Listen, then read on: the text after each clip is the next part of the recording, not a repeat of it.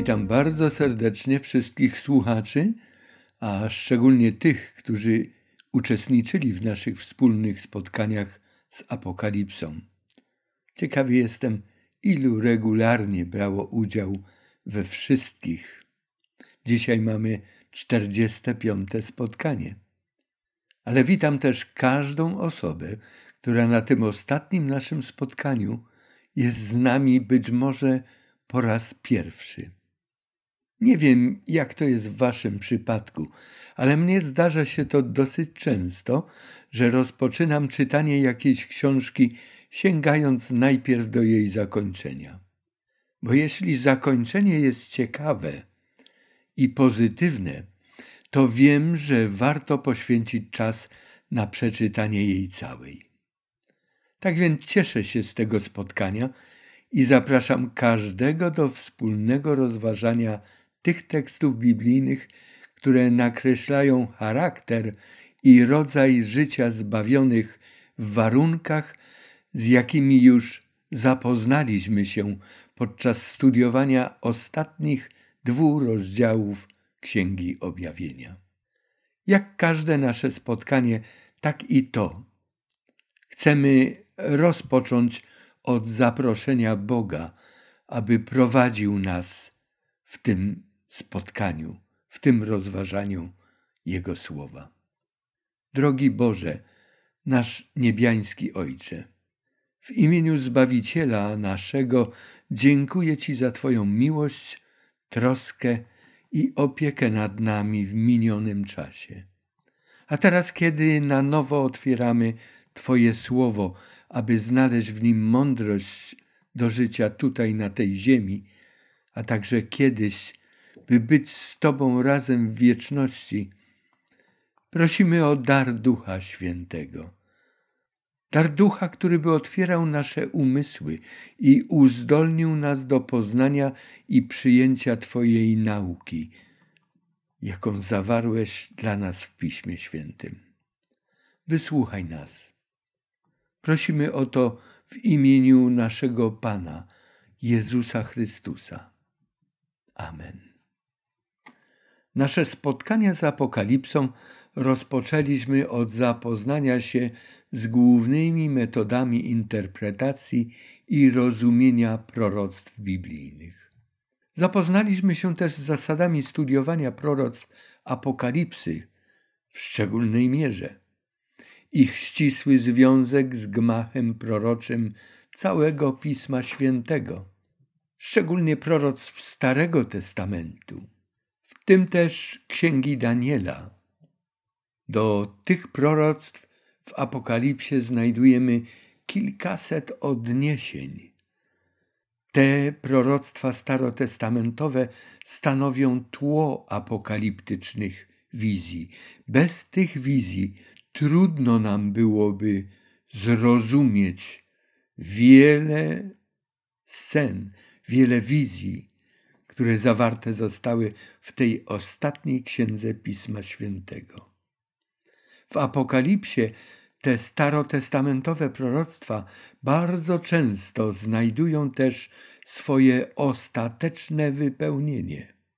Na tle wydarzeń wielkiego boju Boga i szatana, dobra i zła, szczegółowo rozważaliśmy każdy tekst Apokalipsy obserwowaliśmy objawienie Jezusa Chrystusa w Jego opatrznościowej obecności w życiu, zmaganiach i walce Kościoła, walce ze złem, z grzechem, do których diabeł i jego zwolennicy usiłowali zepchnąć lud Boga na przestrzeni wszystkich wieków. Poznaliśmy też trudności i problemy chrześcijaństwa, jakie dotykały i nadal je nękają. Pochodzą one zarówno od wewnątrz Kościoła, jak też z zewnątrz dotykają tego chrześcijańskiego Kościoła. Widzieliśmy też horror zgotowany ludziom przez moce przeciwne Bogu, takie jak smok, zwierzę z morza, zwierzę z ziemi, fałszywego proroka, Babilon, królów ziemi, Apokalipsa zapowiada też ostateczny triumf Boga w życiu każdego człowieka, który mu zaufał, a także ostateczne odwrócenie się milionów ludzi od Boga, którzy wzgardzili Ewangelię. Ten jedyny ratunek, jaki Bóg przygotował dla każdego człowieka. Dowiedzieliśmy się też, że w wyniku zwycięstwa Boga w tej ostatniej walce, w wojnie Armagedonu, nastąpi też zniszczenie Twórcy grzechu, diabła, jego aniołów i zbuntowanych ludzi, a także wszelkiego zła i jego skutków, które jawią się w postaci rozłąki, bólu i śmierci. Ale nie tylko to. Apokalipsa kończy się opisem miejsc, gdzie panuje wieczny pokój i bezpieczeństwo. Jest to barwny opis nowej Jerozolimy i nowej ziemi, którą Stwórca przygotowuje dla swojego ludu. Dzisiaj chcemy poznać przyszłość, charakter przyszłego życia, jakie ono będzie. Czy będzie interesujące? Może fantastyczne, ciekawe, obiecujące, szczęśliwe, a może wieczne w tym sensie, że będzie długie, a przy tym monotonne i smętne. Dzisiejszy temat nazwałem więcej na temat życia w wieczności. W opinii wielu ludzi niebo jest ciekawe dla dzieci, jak Disneyland. Natomiast na pewno nie jest ono atrakcyjne dla ludzi dorosłych, inteligentnych, wykształconych, zainteresowanych, ludzi ambitnych. Będą tam, jak mówią, tylko harfy, chóry, anioły, ogrody, smętne twarze, powolne spacery, monotonia, brak postępu, brak rozwoju, ale taki obraz nieba to obraz zakłamany. To nie jest biblijny obraz. Czy istnieją jakieś opisy nieba, czy cokolwiek wiemy na ten temat? Człowiek dorosły potrzebuje dojrzałego spojrzenia na rzeczywistość nieba. Czy niebo jest miejscem, które może zainteresować osobę dorosłą, dojrzałą? A w ogóle, czy możemy cokolwiek wiedzieć o przyszłym życiu zbawionych? Często w tym względzie przytaczana jest wypowiedź apostoła Pawła z pierwszego listu do Koryntian, z drugiego rozdziału i tam wiersza dziewiątego. Głosimy tedy, jak napisano, czego oko nie widziało i ucho nie słyszało, i co do serca ludzkiego nie wstąpiło. To przygotował Bóg tym, którzy go miłują. Wielu ludzi mówi: No właśnie, nic na ten temat nie wiemy. Ale ten tekst naprawdę nie stwierdza, że o niebie nic nie wiemy i że nic nie możemy wiedzieć. Lecz cokolwiek wiemy, Bóg nam to objawił za pośrednictwem Jego ducha. Kontekst tej wypowiedzi jest w wierszu dziesiątym. Albowiem nam objawił to Bóg przez ducha, gdyż duch bada wszystko, nawet głębokości Boże. Duch Święty, który przygotowuje nas do życia w niebie, informuje nas też o warunkach tam istniejących. Jeśli niebo jest czymś wielkim i wspaniałym, to ten fakt jest nam przedstawiony i motywuje nas do podążania tam. Przekłada się to także na nasz stosunek do ludzi, z którymi wiecznie razem będziemy przebywać w niebie. Tak więc, jak zauważyliśmy, ten tekst z pierwszego listu Pawła do Koryntian z drugiego rozdziału jest często źle rozumiany, bo czyta się tylko dziewiąty wiersz, a dziesiąty dopełnia te treści. Tekst źle zrozumiany zawsze będzie mylnie zinterpretowany. Poszukajmy zatem biblijnych nawiązań do opisu życia wiecznego. Niebo to nie tylko wieczne życie.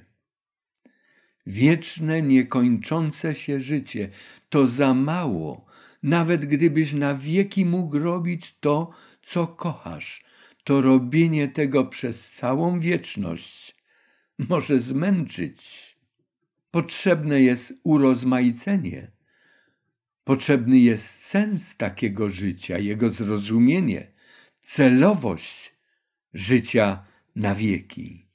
Życie wieczne bez końca może być nudne.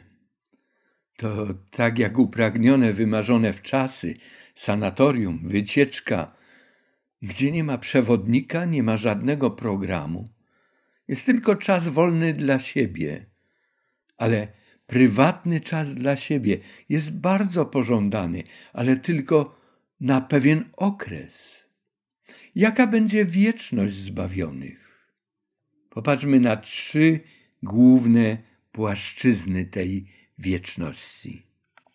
Na podstawie przekazu biblijnego możemy znaleźć wiele płaszczyzn dla życia wiecznego.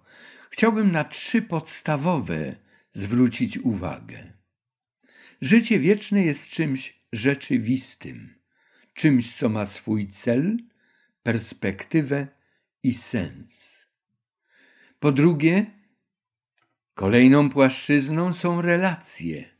Relacje z Bogiem, aniołami, świętymi istotami z innych światów, innych planet, z przyjaciółmi, z tymi, którzy razem z nami byli na tej ziemi i będziemy razem też w niebie. Trzecia taka płaszczyzna to ciągły, wszechstronny i niczym nieograniczony rozwój zbawionych, w tym każdej jednostki indywidualnie. Przeczytajmy niektóre teksty Pisma Świętego w tym względzie. Chrystus kiedyś opowiedział swoim słuchaczom przypowieść o gospodarzu, który wyjeżdżając rozdzielił majątek swoim sługom, a po pewnym czasie powrócił i poprosił ich o zdanie sprawozdania z tego, co się działo. Zjawił się więc pierwszy i rzekł: Panie, mina twoja przyniosła dziesięć min zysku. I rzekł do niego ten gospodarz, ten pan: To dobrze, sługo dobry, przeto iż w małym byłeś wierny, obejmij władzę nad dziesięciu miastami. To jest tekst z Ewangelii Łukasza, 19 rozdziału, wiersz 17. Naczelną zasadą Królestwa Bożego to ciągły rozwój, odpowiedzialność, autorytet, moc. Co może być odpowiednikiem miast w niebie?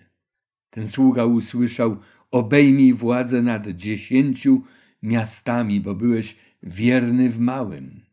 Apokalipsie w trzecim rozdziale, wierszu 21 czytamy, że zwycięzca zasiądzie ze mną, powiedział Chrystus, na tronie. Jak to sobie wyobrażasz? Jak to widzisz? Y, warto wspomnieć, że Jezus nigdy nie wypowiadał słów pod wpływem jakichś emocji. To wszystko, co mówił, ma swoje uzasadnienie, ma swoje miejsce i pokrycie. On chce, abyś z nim królował, abyś z nim królowała tam w niebie, Co to oznacza? Za wierność w małym ten sługa doczekał się awansu, nowe zadania. Chrystus powiedział, że ta przypowieść obrazowała zasady istnienia rzeczywistości w Królestwie Niebios.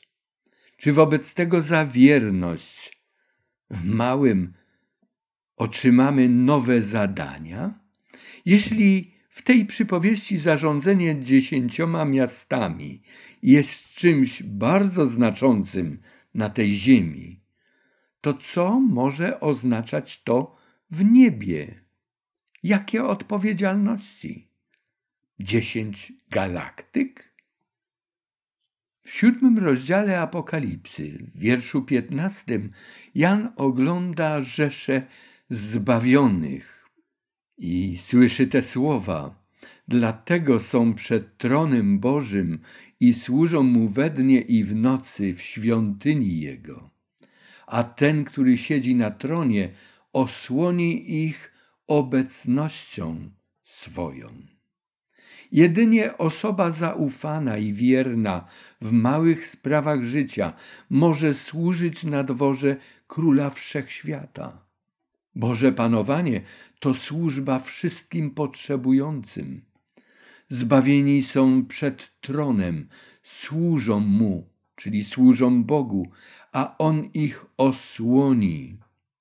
Czytając te słowa, przypomina mi się historia Józefa, jednego z dwunastu synów Jakuba.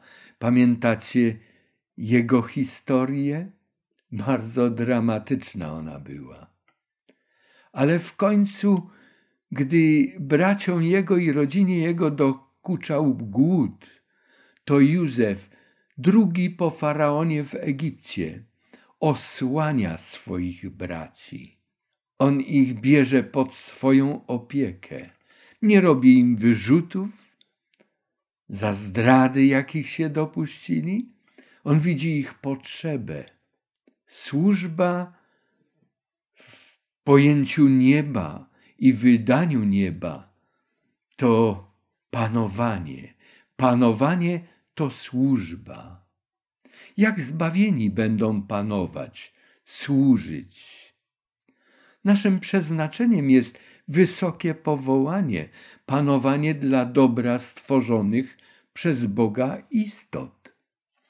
Gdy Bóg stworzył człowieka na samym początku, to w Księdze Rodzaju w pierwszym rozdziale wierszu 28 czytamy błogosławił im Bóg Adamowi i Ewie, pierwszym naszym rodzicom, i rzekł do nich Bóg: Rozradzajcie się, rozmnażajcie się, napełniajcie ziemię, czyńcie ją sobie poddaną. Panujcie nad rybami morskimi, nad ptactwem niebios, nad wszelkimi zwierzętami, które poruszają się po ziemi. Człowiek miał się opiekować całym stworzeniem, dbać o jego dobro, być dla tego stworzenia na tej ziemi kimś takim, jakim Bóg jest we wszechświecie dla wszystkich swoich stworzonych istot.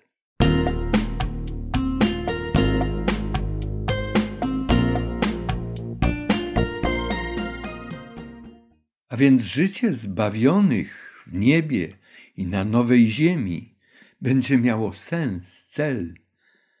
Będą potrzebni Więcej na ten temat moglibyśmy mówić jeszcze długo, ale przenieśmy się na tę drugą płaszczyznę, o której mówiliśmy wzajemne relacje, które również będą czymś cudownym dla zbawionych, którzy znajdą się w tej krainie szczęścia.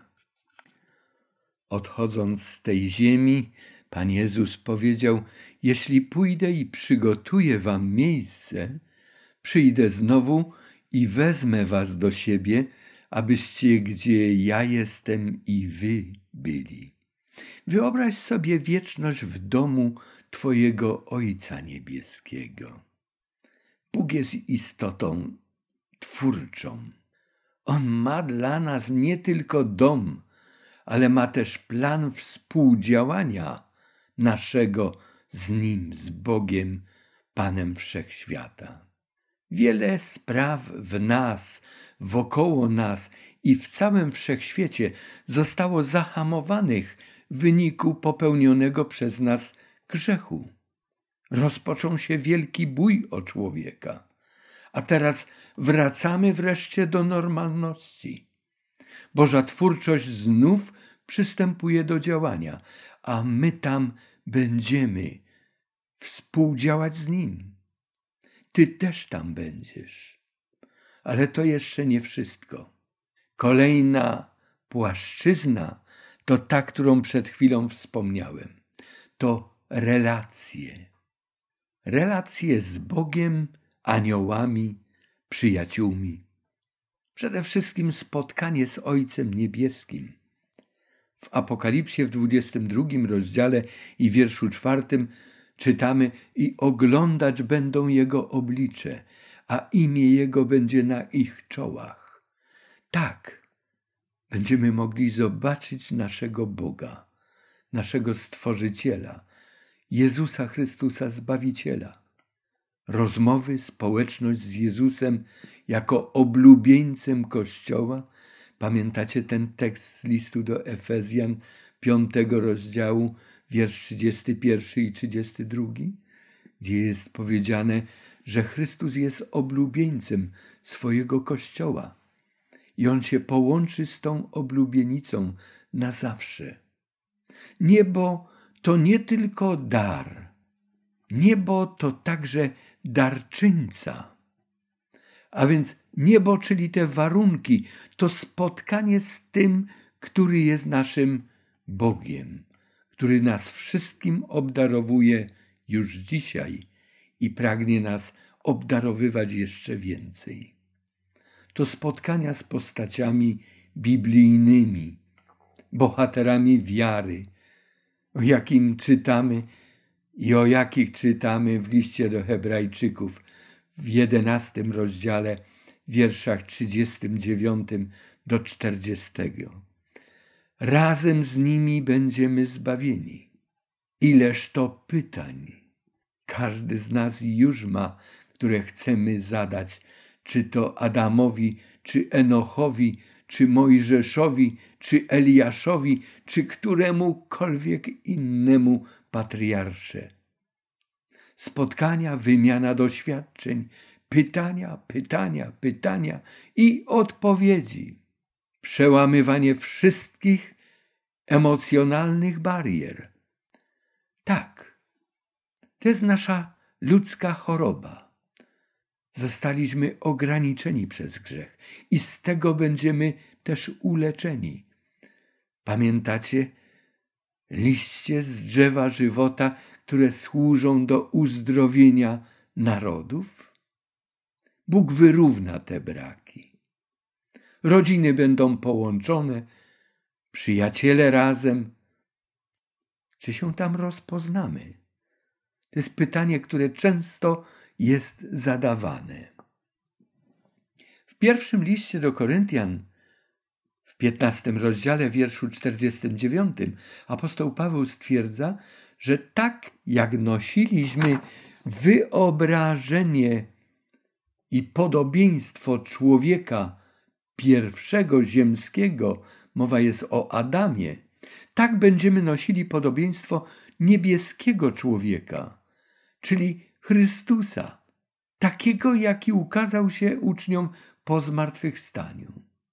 Czy Jezus po zmartwychwstaniu był rozpoznawalny przez tych, którzy go wcześniej znali? Tak. Zwróćmy uwagę na kilka przykładów.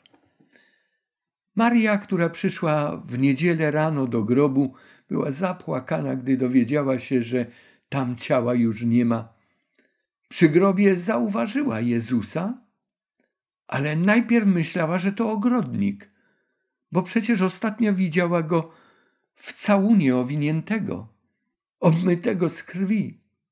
A teraz widzi kogoś, kto porusza się sprawnie. Skąd mogło jej przyjść do głowy, że to może być Chrystus. Dopiero gdy z nim podejmuje rozmowę, gdy słyszy wypowiadane przez niego imię Mario, tak nikt jej nigdy nie nazywał i ten głos nigdy tak nie brzmiał, jak w wydaniu Zbawiciela. Natychmiast go rozpoznała. Inne spotkanie. 24 rozdział Ewangelii Łukasza. Dwóch uczniów idzie do Emaus i w wierszu szesnastym czytamy, że ich oczy były zatrzymane, zasłonięte, aby go nie rozpoznali. Rozmawia z nimi, idąc do Emaus, i dopiero gdy spożywają już w miasteczku wspólny posiłek. Rozpoznają go. Po czym go rozpoznają? Po sposobie, jak łamał chleb. Wyrzucali sobie, że nie poznali go wcześniej. Gdy rozmawiał z nimi o wypełniających się na ich oczach proroctwa dotyczące jego samego, dotyczące Mesjasza. W tym samym rozdziale 24 Ewangelii Łukasza od 36 do 43 wiersza czytamy o tym, jak zmartwychwstały Jezus pomimo zamkniętych drzwi wchodzi do pomieszczenia, gdzie znajdowali się uczniowie i ukazuje się im. Zdumieni apostołowie uważają, że zobaczyli ducha, lecz Chrystus udowadnia im, że jest rzeczywisty, jest sobą, że posiada ciało i kości, jak sam to nazwał. Na dowód tego spożył z nimi też posiłek. Podobnie było nad jeziorem, gdzie innym razem sam dla uczniów przygotował śniadanie. Jest też bardzo ważna myśl przewijająca się przez Ewangelię. Ilekroć Jezus mówił o sposobie swego powrotu, podkreślał, że będzie to zjawisko widzialne. Mówił: Ujrzą syna człowieczego. W Ewangelii Mateusza 24 rozdziale, Marka w 13 rozdziale i w Łukasza w rozdziałach 17 i 21 mamy dużo miejsc, gdzie te zwroty Chrystusa napotykamy. Tak, tam rozpoznamy się nawzajem i będziemy świadomi tego, kim jesteśmy, jak i dlaczego tu jesteśmy, w towarzystwie kogo się znajdujemy. To jest ta cudowna nagroda, którą Bóg przygotowuje dla zbawionych. W Apokalipsie, w piątym rozdziale, wierszu dziesiątym, jest mowa o funkcji zbawionych tam w krainie albo w domu Ojca, jak często mówimy. Uczyniłeś z nich dla Boga naszego ród królewski i kapłanów i będą królować na ziemi. Obecnie potrzebujemy kapłana, Jezusa Chrystusa, który oręduje w niebieskiej świątyni. Wtedy odkupieni będą kapłanami. Zadaniem kapłanów było pośredniczenie, nauczanie, prowadzenie w nabożeństwach, ofiarnictwo i wielbienie Boga. Przewodzili w tym całemu narodowi. Inne funkcje pozostały. Nauczanie, prowadzenie w nabożeństwach, wielbienie Boga. Dlaczego byłych grzeszników Bóg powołuje na kapłanów opowiadających o Bożej miłości? Chyba dlatego, że tylko człowiek, były grzesznik, może z doświadczenia opowiedzieć historię wielkiej miłości Boga, a także tragedii osobistej walki z grzechem. Bóg przy udziale zbawionych z ziemi zabezpieczy cały wszechświat przed ponowną tragedią zła. Już na tej ziemi taką funkcję Bóg przypisał swoim naśladowcom. W pierwszym liście Piotra, w drugim rozdziale, wierszu dziewiątym czytamy: Ale wy jesteście rodem wybranym, królewskim kapłaństwem, narodem świętym, ludem nabytym, abyście rozgłaszali cnoty tego, który was powołał z ciemności do cudownej swojej światłości. Nasza obecność jako przedstawicieli tej planety oraz nasze doświadczenie będą świadectwem dla całego wszechświata, a być może także dla nowo stwarzanych światów oraz istot, które nigdy nie znały naszej ziemskiej tragedii? Żaden anioł ani istota, która nigdy nie zgrzeszyła, nie potrafi tak zrozumieć istoty grzechu, ani tak wiarygodnie zaświadczyć o Bożej miłości, jak grzesznik odkupiony krwią Jezusa Chrystusa. Czytamy o tym także w listach apostoła Pawła. O tych relacjach apostoł Paweł napisał też w liście do Efezjan w drugim rozdziale, wierszach od szóstego do ósmego. Wraz z nim wzbudził, mówi o ludziach, którzy uwierzyli Bogu i wraz z nim posadził z Chrystusem, posadził w okręgach niebieskich w Chrystusie Jezusie, aby okazać w przyszłych wiekach nadzwyczajne bogactwo łaski swojej w dobroci wobec nas w Chrystusie Jezusie. Doświadczenie zbawionych jest niezbywalną wartością dla bezpieczeństwa całego wszechświata, dla wszystkich stworzonych inteligentnych istot i aniołów. Ta współpraca ludzi wierzących z niebem istnieje już tutaj i teraz, na tej ziemi. Apostoł Paweł zwrócił uwagę na to, że uczniowie Jezusa już na tej ziemi są podmiotem zainteresowania mieszkańców nieba. Posłuchajmy innej jego wypowiedzi. Bo wydaje mi się, że Bóg nas, apostołów, oznaczył jako najpośledniejszych, jakby na śmierć skazanych, gdyż staliśmy się widowiskiem dla świata i aniołów i ludzi. Tym bardziej wtedy, kiedy rodzina ziemska i niebieska zostaną ze sobą połączone, służba misyjna odkupionych przybierze pełne tego wymiary. Mieszkańcy nieupadłych planet, światów będą tym zainteresowani do głębi. W Apokalipsie w czternastym rozdziale, w pierwszych trzech tekstach czytamy o pieśni, której nikt nie mógł zaśpiewać, a zbawieni będą ją śpiewać tam na nowej ziemi.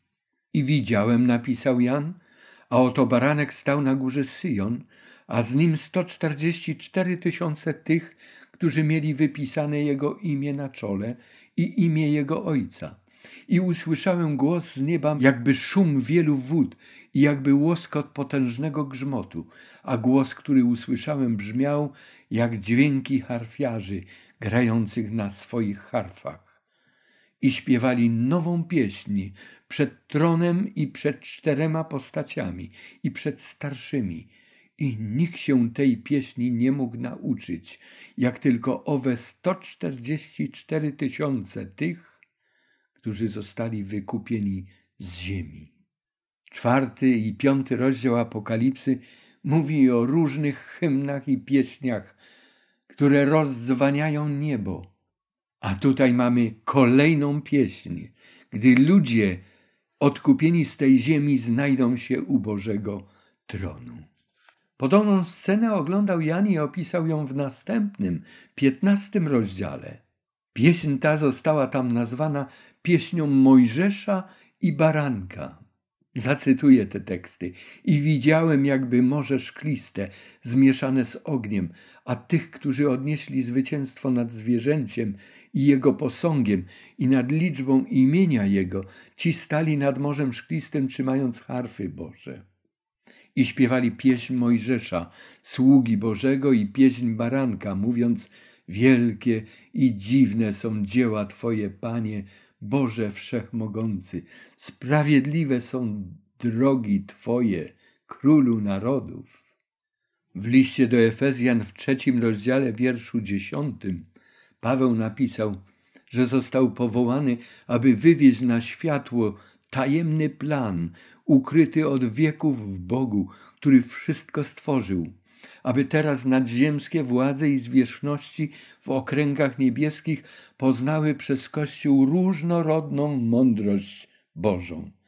Zbawieni już są i w przyszłych wiekach będą nadal kanałami Bożej miłości i łaski. Każdy człowiek jest inny, każdy na swój sposób odbiera i może opowiadać o Bogu, o Jego miłości, która ogarnęła grzeszników na naszej ziemi.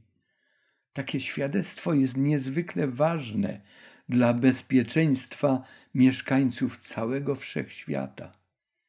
Każdy zbawiony, na nowo stworzony człowiek na swój sposób będzie zwiastował chwałę swojego Zbawiciela.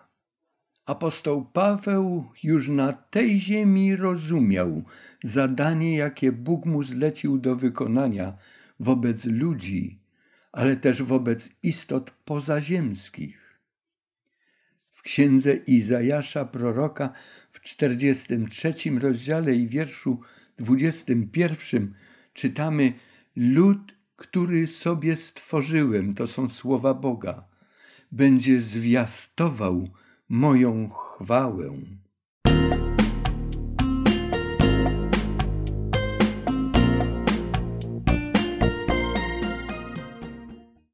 Ale to nie wszystko. Bóg ma także plan naszego osobistego wzrostu i rozwoju. To jest ta trzecia płaszczyzna rzeczywistości zbawionych. Nieograniczony rozwój i wzrost. Niebo to wszechstronny rozwój, to szkoła. Czy lubisz albo lubiłeś szkołę i uczenie się? Niektórzy tak, niektórzy nie. Od czego to zależy? Od nauczyciela, przedmiotu, zainteresowania, od umiejętności interesującego przekazu, od stosunku nauczyciela do ucznia, a może odwrotnie? Jedno jest pewne, jeśli lubisz nauczyciela, to przedmiot jest o wiele łatwiejszy, prawda? Życie jest niekończącą się szkołą, a naszym nauczycielem już tutaj i w niebie, i na nowej ziemi to Jezus różnorodność tematyczna w niebie, poznawanie mikro i makro świata i całego wszechświata. Prorok Izajasz w 35 rozdziale swej księgi prorokował: Wtedy otworzą się oczy ślepych, otworzą się też uszy głuchych. Wtedy chromy będzie skakał jak jeleń i radośnie odezwie się język niemych gdyż wody wytrysną na pustyni i potoki na stepie. Sprawność fizyczna, oczy, uszy, ośrodek mowy, komunikacja, wiele ożywczych motywacji, absolutny słuch i wzrok, korzystanie w pełni ze znanych, posiadanych i rozwój ukrytych i odkrytych nowych zdolności korzystanie z niczym nieograniczonych zdolności, korzystanie z mózgu stworzonego na wieczność. Obecnie różnie się słyszy, mówi, pisze. Wykorzystujemy 8, może 11, niektórzy może nawet 15 i więcej procent, a tamten umysł może być wykorzystany w pełni. Poznawanie praw przyrody, panowanie, korzystanie z zastosowania praw nią rządzących. Pan Jezus tak to czynił. On kiedyś zalecił uczniom, gdzie mają łowić ryby, i wbrew doświadczeniu wytrawnych rybaków było tam pełno ryb. Kiedyś powiedział Piotrowi, jak złowić rybę, która będzie miała kruszec w swoim pyszczku którym miał zapłacić podatek, którego domagali się od Niego i od Jezusa poborcy podatków.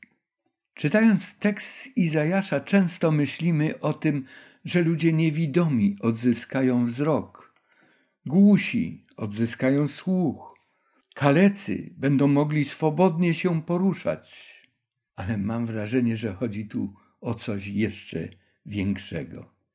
Chodzi o doskonały wzrok, nie tylko o brak ślepoty, absolutny słuch, zdolności muzyczne, pełna sprawność każdego organu, każdego zmysłu, intelekt szeroko rozwinięty, inteligencja, sprawność umysłowa i fizyczna, nie w stopniu ograniczonym, jak to jest dzisiaj, ale pełnym.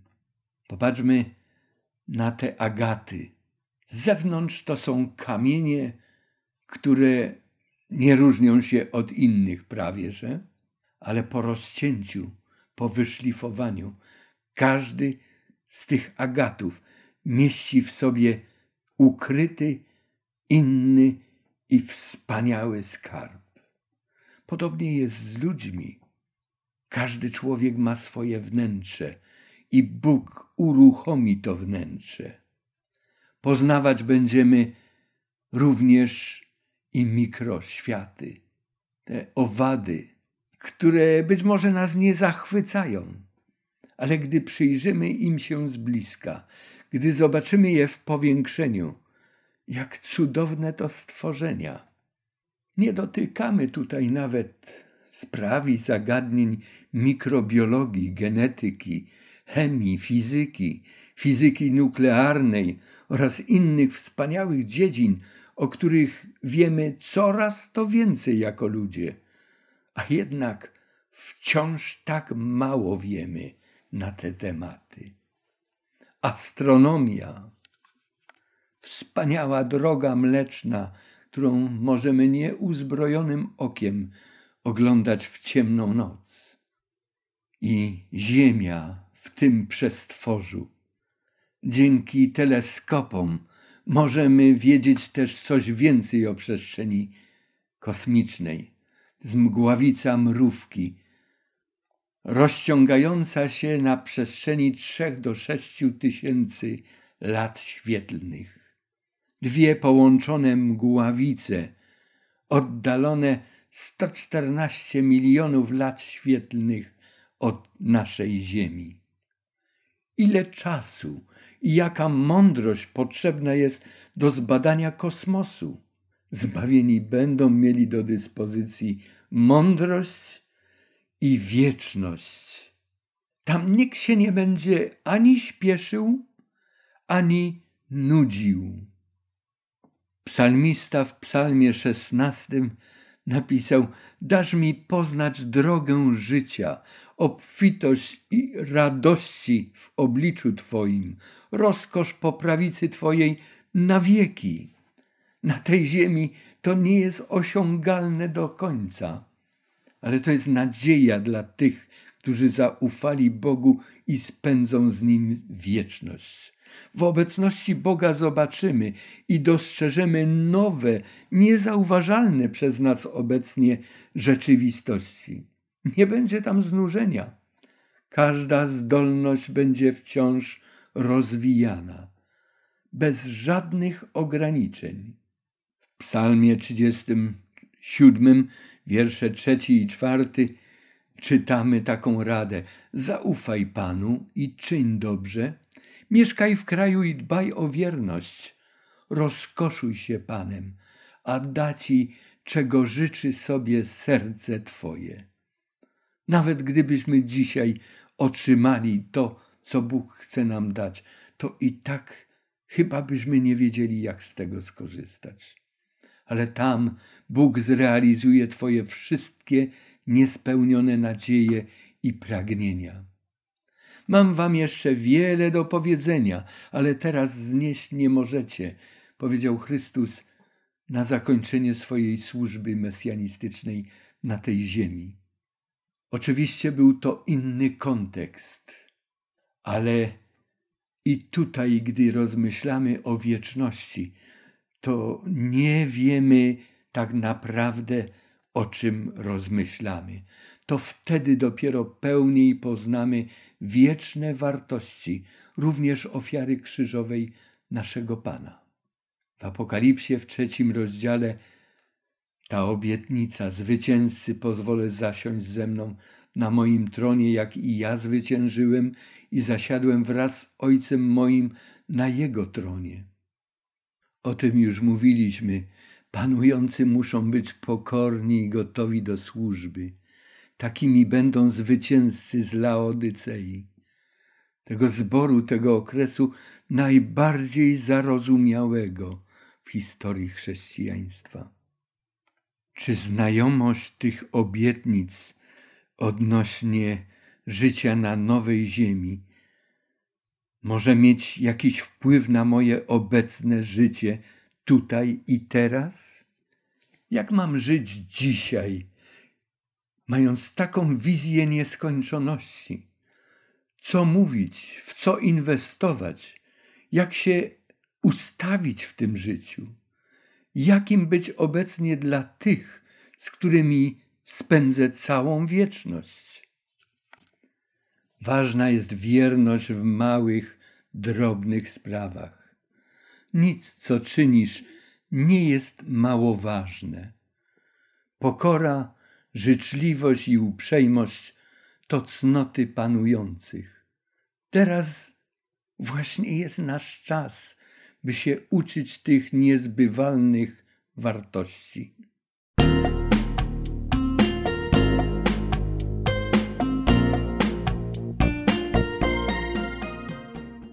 W drugim liście do Koryntian w czwartym rozdziale i wierszu siedemnastym apostoł Paweł napisał: Dlatego nie upadamy na duchu, bo choć zewnętrzny nasz człowiek niszczeje, to jednak ten nasz wewnętrzny odnawia się z każdym dniem.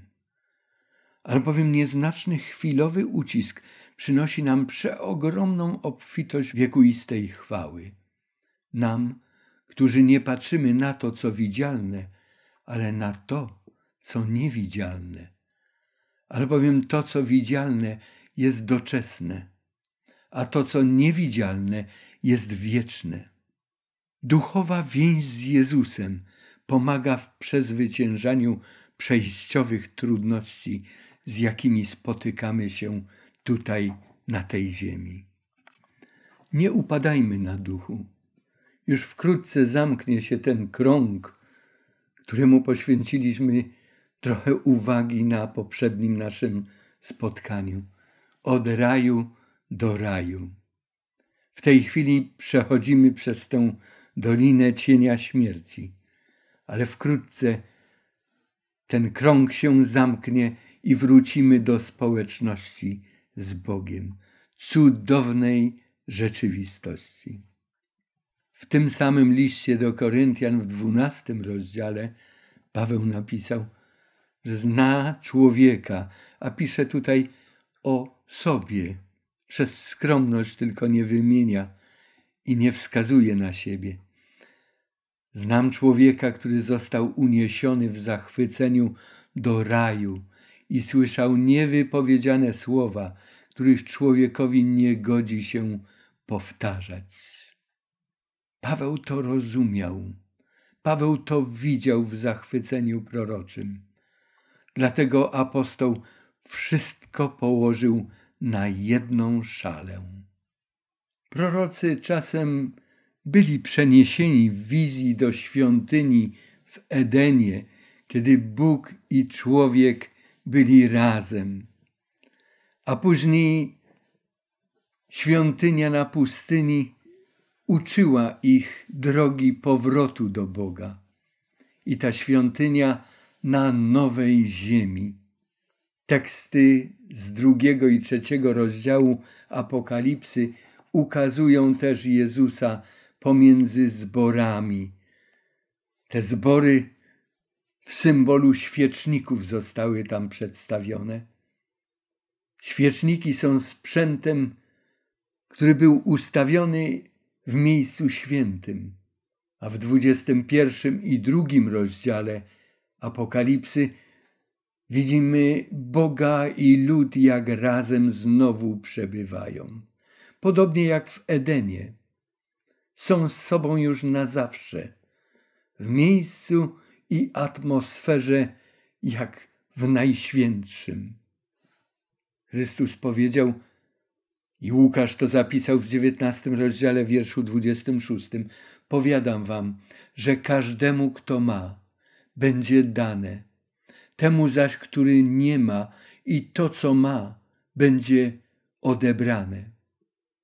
Drodzy, nie zagrzebujmy naszych talentów, które teraz mogą pomagać ludziom, pomagać im w ich życiu, w znalezieniu nadziei na lepsze i wieczne życie. Ceńmy też i dbajmy o nasze własne zbawienie. Dbajmy o rozwój zdolności i talentów na tej ziemi. One nie tylko już teraz pomagają nam i innym ludziom, one będą też w wieczności. Nasza wieczność to kontynuacja tego, co z Bogiem rozpoczęliśmy tutaj na tej ziemi. Bóg tego nie przekreśli. To stanowić będzie podstawę naszego dalszego rozwoju. Bierzmy przykład z takich mężów wiary jak Mojżesz, o którym w liście do Hebrajczyków czytamy, że przez wiarę Mojżesz, kiedy dorósł, nie zgodził się, by go nazwano synem córki faraona.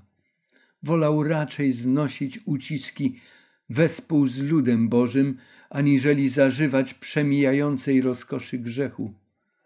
Uznawszy hańbę Chrystusową za większe bogactwo niż skarby Egiptu, skierował bowiem oczy na zapłatę. Żyjąc w obecnym czasie na tej ziemi, jesteśmy tak bardzo blisko tej zapłaty, tej nagrody, tego spotkania z naszym Zbawicielem, wieczności.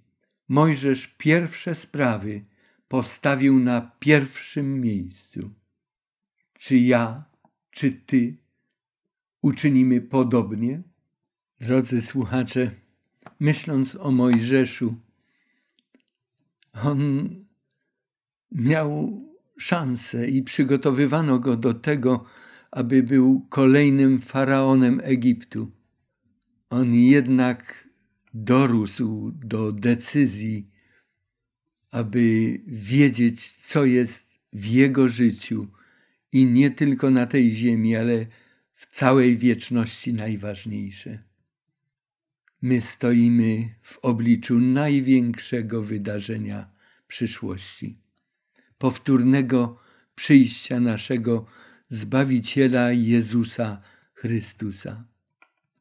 Spójrzmy na kilka zdjęć satelitarnych najwspanialszego gwiazdozbioru, gwiazdozbioru Oriona. W zależności od tego, jaką metodą, jaką techniką robione są zdjęcia i w jakim czasie, ten gwiazdozbiór jest zawsze cudowny i zaskakujący. Niektórzy uważają, że on jest bramą do nieba.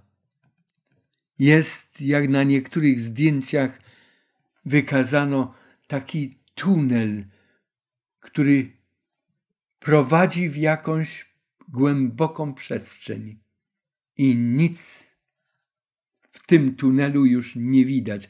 Niektórzy mówią, to jest droga, którą przyjdzie Jezus Chrystus powtórę na tę ziemię. Ten gwiazdozbiór ma swoje szczególne miejsce i znaczenie również na kartach Pisma Świętego. Czekają nas cudowne przeżycia, cudowna podróż bez skafandrów, bez rakiet, do domu naszego Ojca. Tak jak Zbawiciel uniósł się w górę, tak tę nadzieję pozostawił nam. Czuję w tej chwili ogromny przypływ wdzięczności wobec Boga za to wszystko, co dla nas przygotował, dla nas grzesznych, zbuntowanych ludzi, którzy jednak usłyszeli głos Jego Ewangelii i rozpoczęli, albo pragną może niektórzy z nas rozpocząć z Nim nowe życie. Chciałbym z Nim porozmawiać przez chwilę. Panie, dziękuję Ci za Twój wspaniały plan zbawienia oraz odnowienia nas, a także warunków życia w wieczności i odnowienia tej ziemi. Dziękuję Ci za zamieszczenie w Biblii informacji odnośnie przyszłości, jaką przygotowałeś dla wszystkich zbawionych.